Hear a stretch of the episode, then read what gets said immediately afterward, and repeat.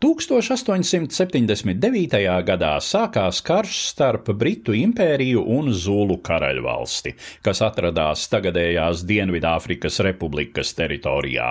Zulu tauta izrādījās sīksts pretinieks, par kurā nenovērtēšanu britu kolonizatori maksāja dārgu cenu.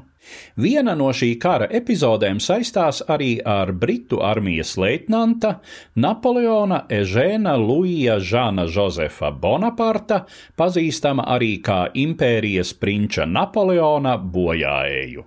Princis Ežēns Luīs bija pēdējā Francijas monarha, imperatora Napoleona III vienīgais bērns. Kad 1870. gadā Francija cieta sakāvi karā pret Prūsiju, imperators krita gūstā un impērija tika likvidēta, gāstā valdnieka ģimenei nācās doties trimdā uz Lielbritāniju. Te 16-gadīgais princis iestājās Karaliskajā militārajā akadēmijā Vūličā, bija labākais labākais jātnieks un paukotājs savā kursā, uzsākot dienestu artilērijā. Jauneklis teju vai rāvās apliecināt sevi kaujas laukā, laikam jau tiecoties šādi kompensēt pusauģa gados pārdzīvoto dzimtenes un tēva sakāvi. Prinča došanos karā gan negribēja pieļaut Francijā joprojām ietekmīgā bonapartistu frakcija, kas cerēja viņu reiz redzēt atjaunotās impērijas tronī. Tomēr jauneklis, izmantojams pašas karalienes Viktorijas atbalstu, panāca savu nosūtīšanu uz Dienvidāfriku. Jaunais Bonaparts tika ieskaitīts inženieru karaspēkā, un viņa vienības komandierim tika piekodināts pastāvīgi nodrošināt augstdzimušajam leitnantam krietnu apsardzi. Viņam tika piekomandēts franciski runājošs leitnants Džalils Brentons Kerijs, kurš teorētiski bija par viņu augstākā rangā, taču ikdienas praksē imperatora atvase drīzāk komandēja savu pavadoni. Tā tas notika arī liktenīgajā 1879. gada 1. jūnija rītā. Bija paredzēts, ka Kerijs vadīs izlūku grupu, kam bija jāapseko teritorija, kuru pēc iepriekšējām ziņām zūli bija pametuši.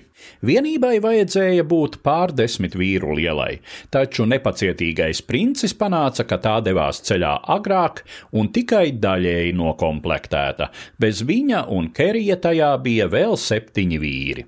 Cik var noprast, Briti uzvedušies diezgan nepiesardzīgi, dienas vidū apstājoties ierodoties pamestā Zulu apmetnē un neizliekot sarkposteņus. Tas ļāva apmēram 40 vīru lielai Zulu karotāju vienībai viņus nemanāmi ielenkt un pēkšņi uzbrukt. Prinča zirgs metās auļos, pirms jātnieks vēl bija paspējis tikt seglos. Viņš pagoda tikai pieķerties seglu šautenes makstī. Pēc nepilniem simts metriem maksts siksna notrūka, princis krita, pie tam zirgs uzmina viņa labajai rokai. Mēģinājums skriešus izmukt no lieliskajiem skrējējiem zuliem bija bezcerīgs.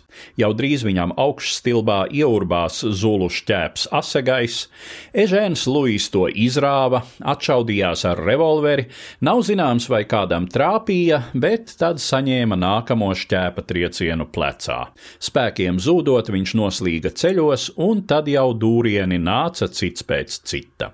Leitnants Kerijs un dzīvi palikušie četri briti paguva apturēt zirgus, taču palīdzēt vairs nevarēja. Tā katrā ziņā lēma kara tiesas izmeklēšana, kas Keriju attaisnoja. Prinča ķermeni ar 18 dūrienu brūcēm atrada nākamajā dienā. Zūli šai gadījumā nebija nocirtuši viņam locekļus, kā mēdza to parasti darīt, acīm redzot, godinot sava pretinieka drosmi. Vēders gan bija uzšķērsts, lai pēc zulu ticējuma dvēsele varētu pamest miesas. Prinča Bonaparta ķermenis tika nogādāts Anglijā, kur vispirms apbedīts Vuličas arsenālā, bet dažus gadus vēlāk līdzās tēvam īpašā mauzolejā Farnboro abatijā Hempšīrā. Bonapartisti, kuriem līdz ar viņa nāvi lielā mērā zuda cerības atkal kādreiz redzēt Napoleonu Francijas tronī, aktīvi apsprieda versijas par sazvērestību, kuru itin kā organizējusi karaliene Viktorija, lai gan britu valdniecei nebija nekādu motīvu šādi rīkoties. Stāstīja Eduards Liniņš.